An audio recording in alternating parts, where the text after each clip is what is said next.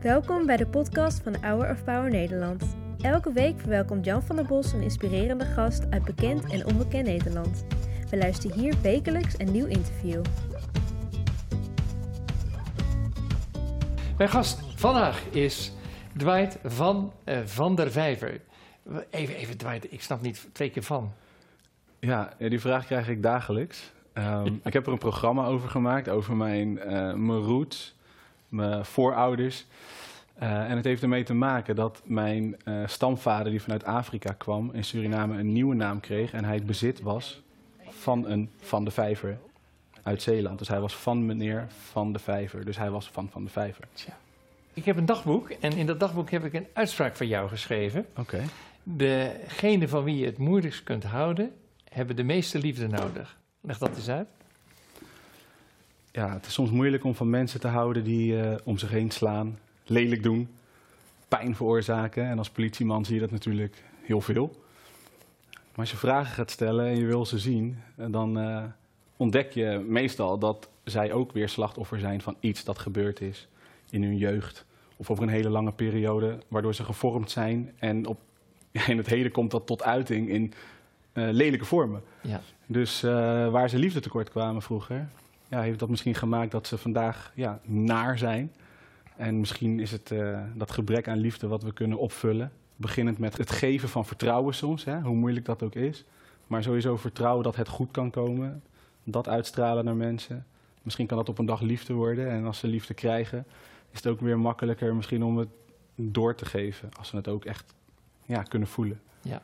18 jaar was je politieman en 18 jaar heb je met. Uh, kijk nou eens. Ik voel me nou net zo'n bad guy in een film, je weet toch? Oké. Okay. Ja, dat, dat, was, dat was niet in het script opgenomen. Je gooit maar van je schoot af als je het niet nee, leuk dat, vindt. dat hoor. hoeft niet. Okay. Misschien gaat ze slapen. In jouw tijd als politieman had je heel veel jongeren die zwaar, echt zwaar in de problemen zaten, Mhm. die, waar jij een soort reddingsboei voor was. Ik weet nog dat toen ik nieuw was in uh, de wijk Kanaleiland, waar ik wijkagent uh, werd, toen was er dus zo'n jongen waarvan iedereen zei van, nou, dit is echt een probleem. Die moeten we alleen maar aanpakken, want uh, er is zoveel gebeurd in het verleden, achtervolgingen, hij heeft ons beledigd, dingen vernield van ons. Iedereen had een hekel aan hem. Maar ja, ik kende hem eigenlijk niet, ik was nieuw. Um, en ik sprak hem op een dag en toen zei hij van, ja, door alles wat ik heb geflikt, uh, word ik steeds opgepakt omdat ik hoge schulden heb. Ik krijg steeds boetes, die heb ik niet betaald in het verleden. En toen zei ik ook van, joh, maar volgens mij vindt iedereen jou hartstikke lastig, omdat je ook gewoon vervelende dingen hebt gedaan. Als je daar nou een keer mee stopt, dan kan ik je misschien helpen met die boetes. En men zei van, ja, je moet hem ge geen regeling met hem aangaan, want hij kan het niet waarmaken. Dus zei ik, joh, als jij een half jaar lang mijn collega's met rust laat en gewoon normaal doet, dan kan ik kijken of ik iets voor je kan doen, misschien. Nou, dat liet hij eigenlijk zien. Dus na drie maanden kon ik uh, via mijn netwerk een baantje voor hem regelen als uh, fietsenmaker. Zo. En daardoor kon hij zijn boetes afbetalen. Uiteindelijk kreeg hij bij het afvalscheidingsstation kreeg hij een, een baantje. Um, en ik bleef gewoon met hem in gesprek. En dat was een van de eerste jongeren waarbij ik zag van ja, als ik zeg maar alle pijn en, en ellende en de negatieve ervaringen uit het verleden um, niet vergeet, maar wel even parkeer en kijk van waar wil je naartoe. En laten we ons focussen op de toekomst en het positieve om het voor jou leuker te maken, waardoor jij ook leuker voor anderen kan zijn. Uh, ja, wellicht werkt het. En het werkte gelukkig. Um, niet dat het bij iedereen zo makkelijk ging, maar hij werd wel weer een voorbeeld voor andere jongeren. Ook omdat hij tegen andere jongeren zei van, hé, maar die agent, die heeft me wel een kans gegeven. Hij heeft me niet gelijk veroordeeld. Dus via hem kwamen weer andere jongeren bij mij, ook uit andere wijken. En dan zeiden ze van, hé, hey, ik heb gehoord dat, uh, dat u helpt. Dan zei ik, nou, je moet er wel wat voor doen. Ja, ja.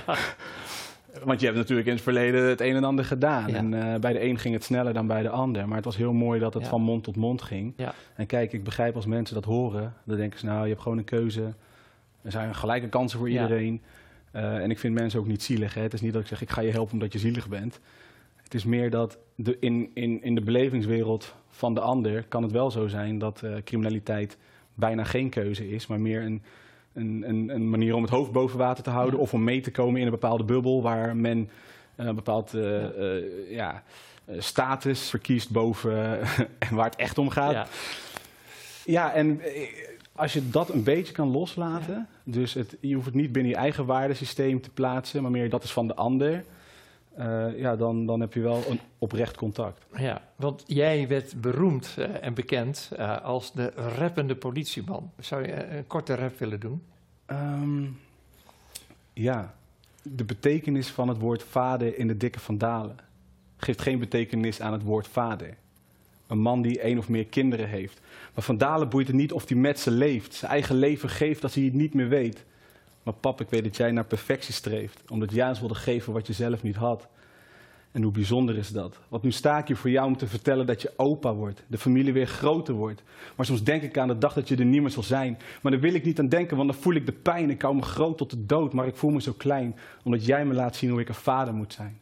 Ik hou me groot tot de dood, maar ik voel me zo klein. Omdat jij me laat zien hoe ik een vader moet zijn. Maar pap, je groeide op zonder vader. Bedankt dat jij een man van me maakte. Na al die jaren kan ik zeggen dat je slaagde, de klus klaarde. En als ik bang was, altijd over me waakte. En tot in lengte van dagen zal ik er voor je zijn. Alle lasten die je draagt, alle leed en alle pijn, die dragen we samen, de zoon en de vader. Ik ben je dankbaar. Amen. Wauw. Je zegt in een paar woorden zeg je ontzettend veel. Over een vaderhart, over vaderliefde, over... Uh, en, en trek je dat ook naar God toe? Uh, ja, ja, tuurlijk. Ik ben gewoon gezegend sowieso dat ik een, een, een rots heb in mijn leven. Dat hij nog leeft. Uh, ik zei het net al, ik ben er ook bang voor als hij op een dag niet meer is. Um, Hoe hecht is de band met jouw uh, aardse vader? Ja, die is heel hecht. Um, en het is ook wel eens moeilijk geweest omdat hij van een generatie is waarbij praten over gevoel en emotie niet vanzelfsprekend ja. gaat. En ik ben hier opgegroeid um, en ik heb meegekregen, ook op school en soms bij vriendjes om je heen, dat er wel gesproken wordt over bepaalde onderwerpen en dat heb ik een tijdje gemist. Maar dat halen we in. Ja, ja dat vind ik mooi, want ik ben 38 en uh, de gesprekken vanaf dat ik geboeid ging maken in 2019 zijn de gesprekken nog beter geworden. Ja, wat mooi. Je noemde jouw programma Geboeid. Vertel daar eens wat over. Ja, nou, uh, kijk, ik zei het net al. Bepaalde vragen stelde ik niet aan mijn vader. Of stelde ik wel, maar kreeg ik geen antwoord op over ja. zijn ouders en de ouders daarvan. En waarom dingen zijn gegaan zoals ze zijn gegaan. En ik wist gewoon te weinig. En ik weet ook, ik wist ook, er is een slavernijverleden. Um, hoe verhoudt zich dat tot het heden? Ik wilde dat onderzoeken en gelukkig liepen de mensen bij de EO rond die dat ook wilden onderzoeken. Dus dan, uh, dan ga je samen ja. je krachten bundelen. En uh, ik mocht gaan graven en heb daar heel veel hulp bij gekregen. Ja. En zo kwam je in de wereld van uh, de tv-productie. Ja, ja, als politieagent um, had ik er al iets mee. Want ik, ja, ik kwam wel eens op plekken in de media, um, ja. bij Phonics op de radio, om uit ja. te leggen over politiewerk. Ik kwam bij Umberto Tan in 2016, RTL Late Night. Nou, toen stonden de camera's op me gericht en ik dacht, dit is wel krachtig om zo je boodschap via de media te verspreiden. En uiteindelijk heb ik daar dus wel ook mijn werk van kunnen maken. Leuk. Wat maakt jou zo gepassioneerd voor de mensen aan de zelfkant van het leven? Je hebt ook een programma over containerdorp gemaakt. Ja, ik denk steeds, um, voor mezelf is het zoeken naar ultieme vrijheid. In, in doen en laten. Uh, ik wil doen wat ik wil doen. Um, het doorgeven. Um, maar het betekent ook dat je in je gedachten vrij wil zijn om te zijn wie je bent. Ja. En dat gun ik iedereen. Dus in de containerdorpen zijn mensen die steeds worden veroordeeld door anderen. Aan de rand van de samenleving. Ze kunnen niet tussen ons wonen. Ze doen dit, ze doen dat. Iedereen is een voorbeeld van iemand die je hebt ontmoet? Uh, nou ja, Richard bijvoorbeeld is een, uh, is een man die... Hij heeft in het verleden dingen gedaan. Misschien heeft hij erge dingen gedaan in het verleden. Maar de dag van vandaag wil hij heel graag een goed leven. En wil hij ook nog er zijn voor anderen. Want andere ex-daklozen slapen allemaal bij hem. Hij deelt ze eten. En um, hij ziet er best wel smoetsig uit, om het zo te ja. zeggen. Hij rookt ook niet zo lekker. Uh, maar ik ben echt zodanig van hem gaan houden dat ik hem ook wilde knuffelen. Omdat hij zo'n mooie zachte kant heeft, een emotionele kant. En die zie je wel pas als je door die harde laag heen komt van al dat drugsgebruik en al die schuttingtaal. Ja, ja dat is Richard. Mooi. God geeft nooit op uh, als het om mensen gaat, want hij heeft ze gemaakt naar zijn beeld. Mm -hmm. uh, je bent katholiek opgevoed. Ja. wat betekent geloof voor je?